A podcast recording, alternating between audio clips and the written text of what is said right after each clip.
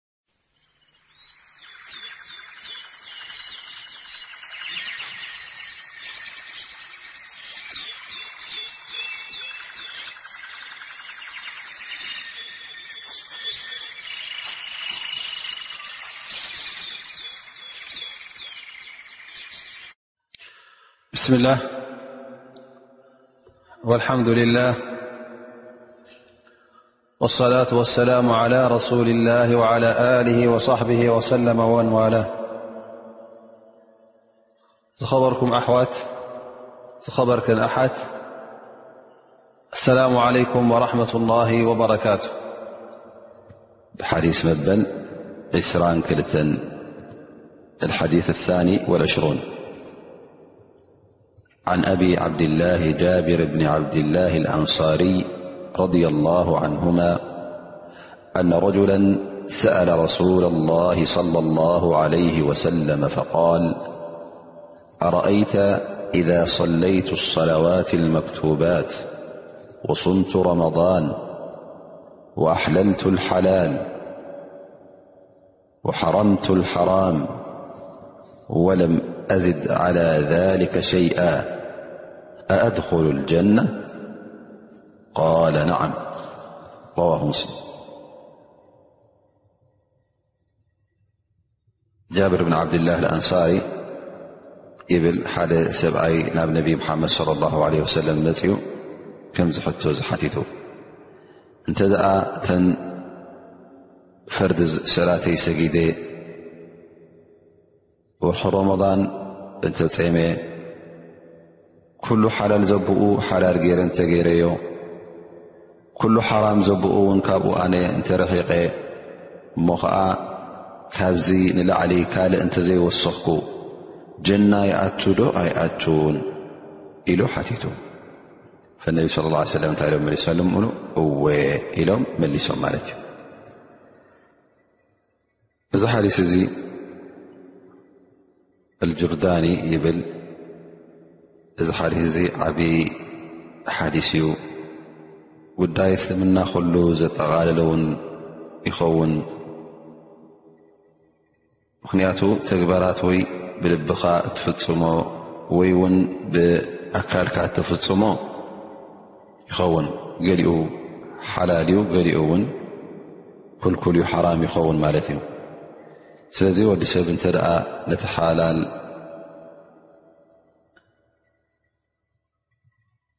ሓላል ገይሩ እንተ ተጠቒሙሉ ነቲ ሓራም ሓራም ኢሉ ካብኡ እንተ ርሒቑ በቃ እቲ ናይ እስልምና ኩሉ ተግባራት ኣተግቢሩ ማለት እዩ እሱ እውን ጀና ዝእቱ መንገዲ እዩ እዚ ዝሓተተ ሰብ ሓደ ካብቶም ብፁት ነቢና ሙሓመድ صለ ላه ለ ወሰለም ኣንዕማን ኣልኹዛዒ ዝበሃል እዩ። እሱ ኸዓ ካብቶም ኩናት በድር እተኻፈሉ ኣብ ኩናት ሑድ እተቐተሉ እዩ። እቲ ዱልዱል ኢማኑ እቲ ፍቕሩ ናይ ሃይማኖቱ ደፊእዎ እውን ነዚ ሕቶ እዚ ሓቲቱ።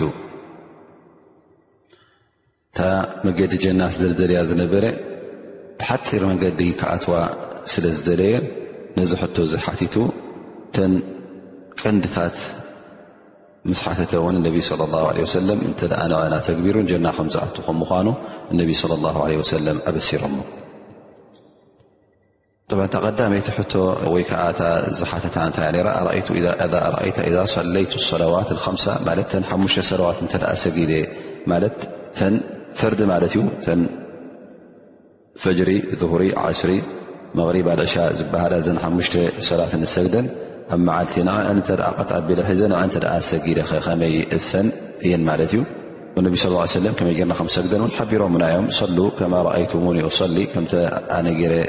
ሰግዶ ከምቲ ኣገባብ ኣነ ዘመሃርኩኹም ጌርኩም ከምኡ ስገዱ ኢሎምና እዮም ስለዚ ክሰግድ ክብል እንከሎ ልክ ቀጥ ኣቢሉ ነተ ሰላት ከምቲ ኣላ ስብሓን ወተላ ነቢና ሓመድ ስ ሰለም ዝኣዘዙና ከምኡ ጌርካ ክሰግዳ ማለት እዩ ወተባዕታይ እተ ኮይኑ ውን ሰላት ጀማዓ ከይገደፈ ኣብ መስጊድ ክሰግድ ከም ዘለዎ ኣብ ሱና ነቢ ሙሓመድ ለ ላ ለ ወሰለም ዝረኸብናዮ ሓበሬታት ኣሎ ኣስሓብ ነቢ ኩሎም ኣብ መስጊድ እዮም ዝሰግዱ ነይሮም ዋጅብ ከም ምኳኑ ውን ዑለማ ብዙሓት ተቒሶሞ እዮም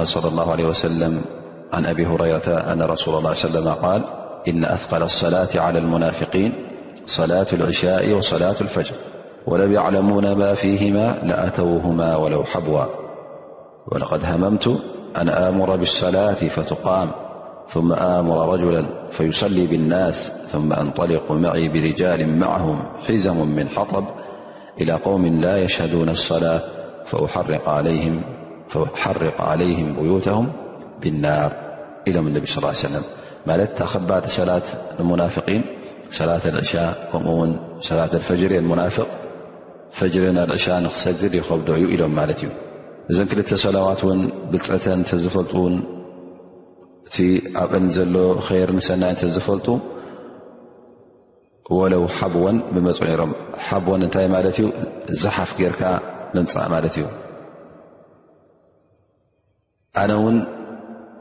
ይብሉ ነቢ صለ ላه ለ ወሰለም ሰላት ስገዱ ኢለ ሓደ ሰብ ኢማም ኮይኑ ንኸስግድ ገዲፈ እቶም ኣብዛ ሰላት እዚኣ ዘይርከቡ ዘለዉ ኣብ ገዝኦም ዝተርፉ ዘለዉ ናብኦም ከይደ ገዛውቶም ንኸቃፅለሎም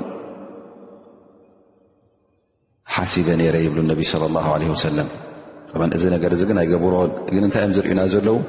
ክሳዕ ክንደይቲ ሰላት ልጀማዓ ኣገዳሲ ከም ምኳኑ ዋጅብ ከም ምኳኑ ክሳዕ ክንዲዚ መቕፃዕቲ እውን ክቐፅዎ ይሓስቡ ከም ዝነበሩ ነቢ ለ ላ ለ ወሰለም ስለዚ እቲ ኣላ ስብሓን ወተላ ዝኣዘዘካ ከምቲ ግቡእ ጌርካ ንክትገብሮ እታ ሰላት እውን ኢቃመት ሰላት ክበሃል ከሎ ንሰላት ምቛም ክበሃል ከሎ ከምቲ ተኣዘዝካ ጌርካ ሙሉእ ዘይጉዱል ጌርካ ክሰግዳ ከለኻ እታ ሰላት እሱ እዩ ኢቃመት ሰላት ዝበሃል ሽዑ ድማ እዛ ሰላት እዚኣ ካብ ኩሉ ጌጋታት ክትሕልወካ እያ ክትጠቕመካ እያ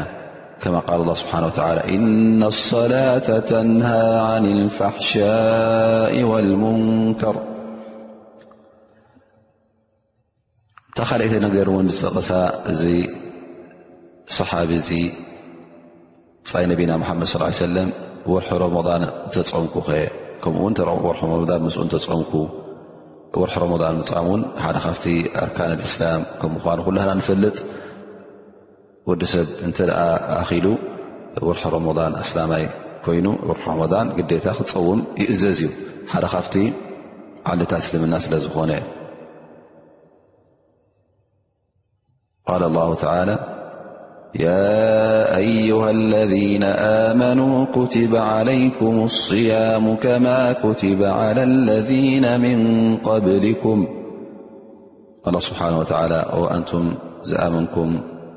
ጾሙ እኮ ግዴታ ንኽትጾሙ ተኣዚዝኩም ኢኹም ልክዕ ከምቲ ኣብ ቅድሜኹም ቅድሜኹም ዝነበሩ ሰባት ተኣዘዝዎ ንስኹም ውን ተኣዚዝኩም ኢኹም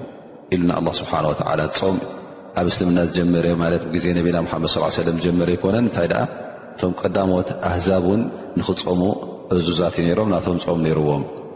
ወነቢ ስ ላ ለ ሰለም ቡንየ ልእስላሙ ዓላ ከምሲ ኢሉና ስዕልምና እውን ኣብ ሓሙሽተ ዓንድታት ከም ተመስረተ እነቢ ስ ሰለም ነጊሮምና እዮም ሓደ ካብቲ ዓንድታት እውን ፆም ናይ ሮሞዳን ማለት እዩ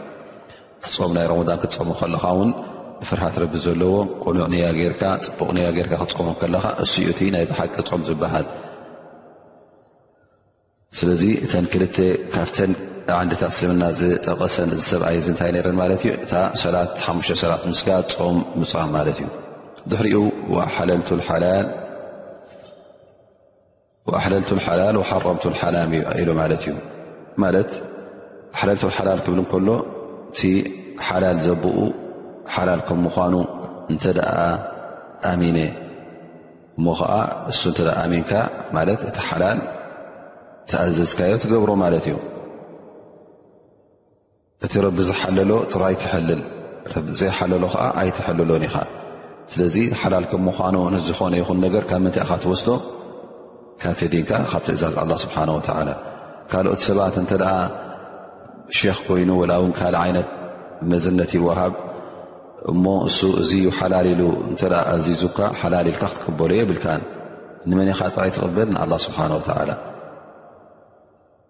እንተ ረቢ ዘይሓለሎ ሓላል እዩ ኢልካ እተ ረቢ ዘይሓረሞ ሓራም ኢልካ ድማ እዚ ካብ መገዲ ትወፅእ ኣለኻ ማለት እዩ ላ ስብሓን ወላ የል እቶም ነቶም ክሓቲ ነቶም ምስ ኣላ ስብሓን ወተላ ሽርካ ጌርኩም ዝበሎም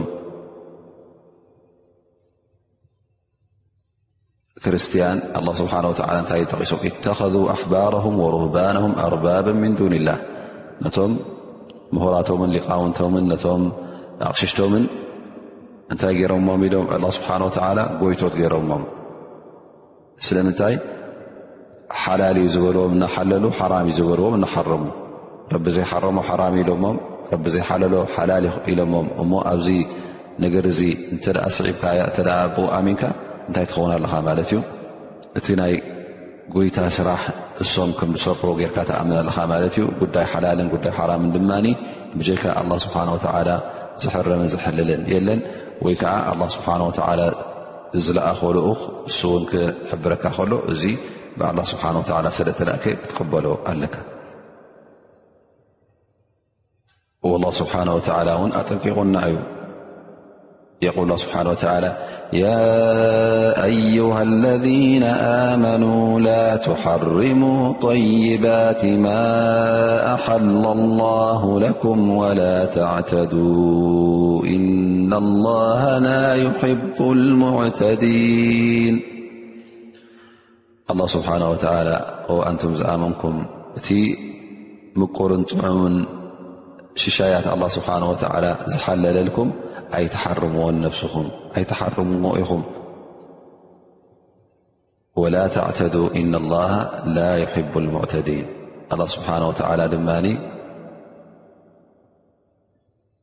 እቶም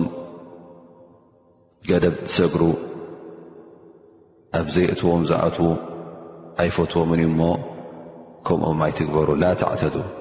እዕትዳ ክበሃል እንከሎ እንታይ ማለት እዩ ዘይፍቀደካ ነገር ክትፍፅም ከለኻ ዘይናህካ ነገር ክትገብር እንከለኻ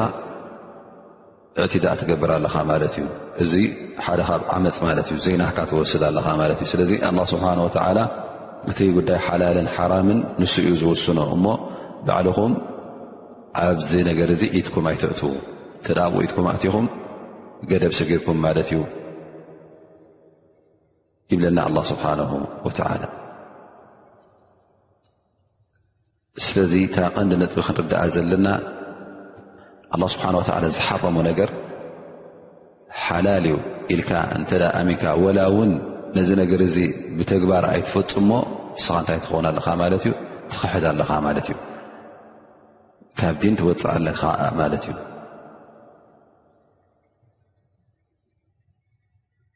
ስለዚ ከምኡ ውን ኣላ ስብሓን ወተላ ዝሓለሎ ውን ሓራም ክትገብር እንተ ኮንካ ውን ሓራም ኢልካ እተ ኣሚንካ ውን ካብ ዲን ትወፅእ ኣለኻ ማለት እዩ ስለዚ ክንጥንቀቕ ኣለና እዚ ጉዳይ እዚ ካብ ዲን ዘውፅእ ነገር ስለ ዝኾነ ተገዲስና ውን ክንኣምነሉ ኣለና ሓራም ክበሃል እንከሎ እንታይ ማለት እዩ ሓራም ክበሃል እንከሎ ነዚ ሓራም እዚ ክትገድፍ ከለኻ ኣጅር ኣለካ እንተ ጌርካዮ ከዓ ዘንብ ኣለካ ማለት እዩ ትቕፃዕ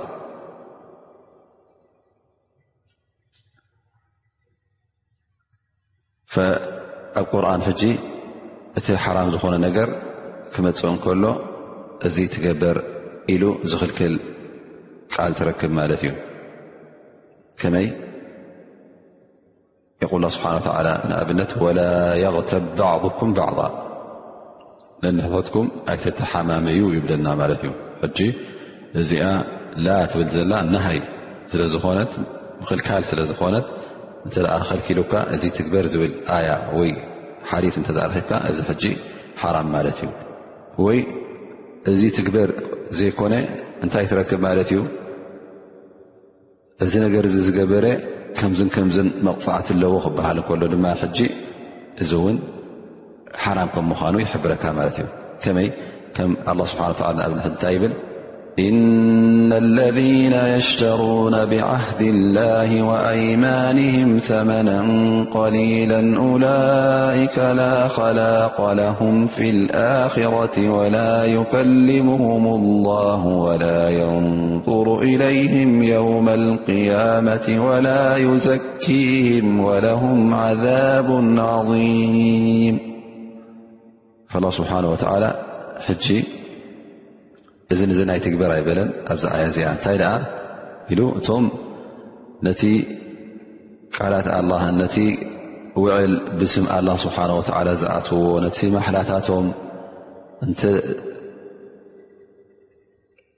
ብናይ ኣዱንያ ነገር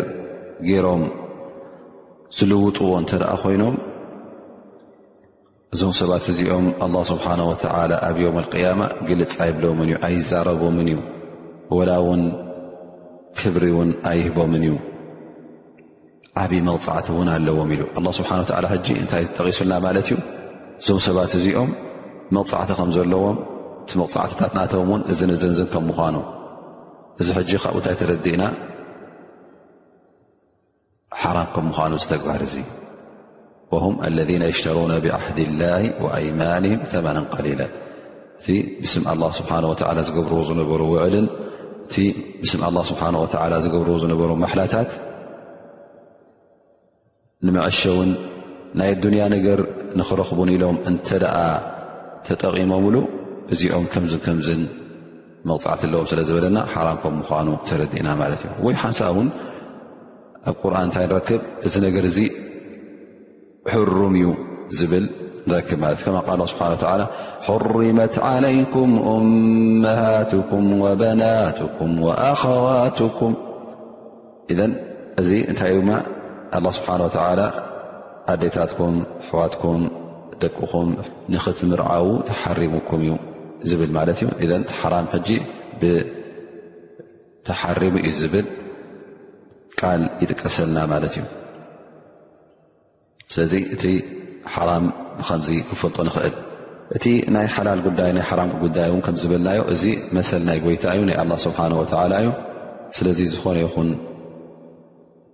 ፍጡር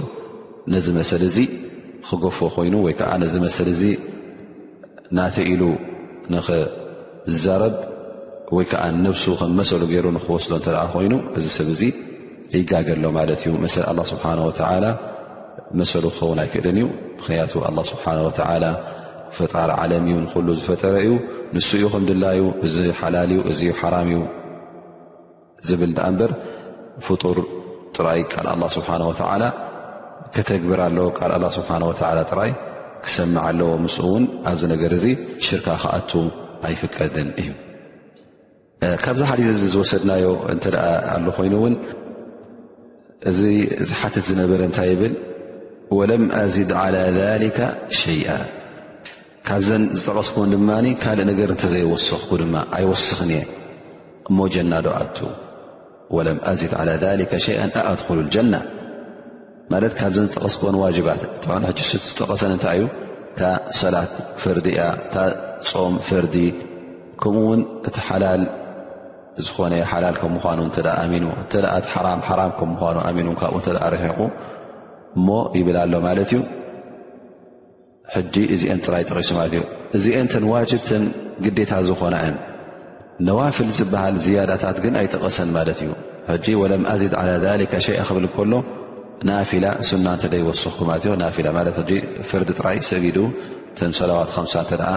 ደው ኢሉ ጾም ሮሞዳን ጥራይ ትጸውም ዘሎ ኣሉ ካልእ ዓይነት ጾማት ትጾሞ ሰሙናዊ ኣሎ ሓሙስ ሶኒ ትፀውም ተ ደካ ትፀውም ትኽእል ኢኻ ወርሓዊ ኣሎ ሰለስተ መዓልቲ ብወርሒ ወይ ውን ኣብ ዓሹራ ኣብ ካልእ መዓልትታት ኣሎ ትፀሞ ሊላ ካብ ዝኾነ ይኹን መዓልቲ ውን ክትፀሞ ዝፍቀድን ፍት ዝኾነን ኣሎ ግን እዚ ነገራት እዚ ማለት እዩ እተ ዘይወሰኽኩ እሞ ጥራይ ተን ዋጅብ ዝኾና ግዴታ ዝኾና ነገራት ንዓን ጥራይ እተ ገይረስ ጀና ክኣትዶ ኢሉ ምስ ሓተተ ነቢ ስ ሰለም እወ ኢሎም መሊሶምሉ እዚ እውን እንታይ እዩ ዘርእየና ማለት እዩ እንተ ሓደ ሰብ ፍርዱ ጥራይ እተ ከቲቱ ተን ዋጅብ ዝኾና ግዴታ ዝኾና ኩለን ንዐን ቀጥ ኢሉ እተ ሒዙ እውን ኣላ ስብሓን ወተዓላ እቲ ሱናታት እቲ ናፊላ ዝበሃል ስለምንታይ ጌርካ ኢሉ ከም ዘይቆፅዖ እዩ ዝሕብረና ዘሎ ማለት እዩ እቲ እውን እኹል ከም ምዃኑ ጀና ከም ዘእቱ ግን እቲ ናፊላ ኩሉ ግዜ እንታይ እዩ መወሰኽታ ደረጃኻ ንክተልዕል ገለገለን ዘጉደልካዮ ነገራት ዘሎ ኮይኑውን ንዕኡ ንኸዓፅወልካ ይኸውን ማለት እዩ ስለዚ እቲ ናፊላ ግደፎ ኢልካ ኣይእዘዝን እዩ ላኪን እንተ ሓደ ሰብ ዘይገበሮ እንታይ ይጎድለሎ ማለት እዩ መወሰኽታ ኣጅርታት ክወስዶ ዝኽእል ዝነበረ ይተርፈሎ ማለት እዩ ዓብዪ ናይ ኣጅሪ ኣፍ ደገ እውን ኣብ ቅድሚኡ ይዓፅ ኣሎ ባዕሉ ማለት እዩ ዳኣ እምበር እቲ ግዴታ ዝኾነ ንሱ እዩ ካባኻ ዝጥለብ እቲ ናፊላ እቲ መወሰኽታ ዝበሃል ከዓ እንተገቢርካዮ ኣጅሪ ኣለካ እንተዘይገርካዮ ግን ኣላ ስብሓን ላ ስለምንታይ ዘይገበርካዮ ኣይብለካን እዩ ማለት እዩ والنبي صلى الله عليه وسلم ق حيث قدس ب فيما رواه عن ربه لى الله عله سم يث دس الله سبحانهوعلىم ب ولا يزال عبدي يتقرب إلي بالنوافل حتى أحبه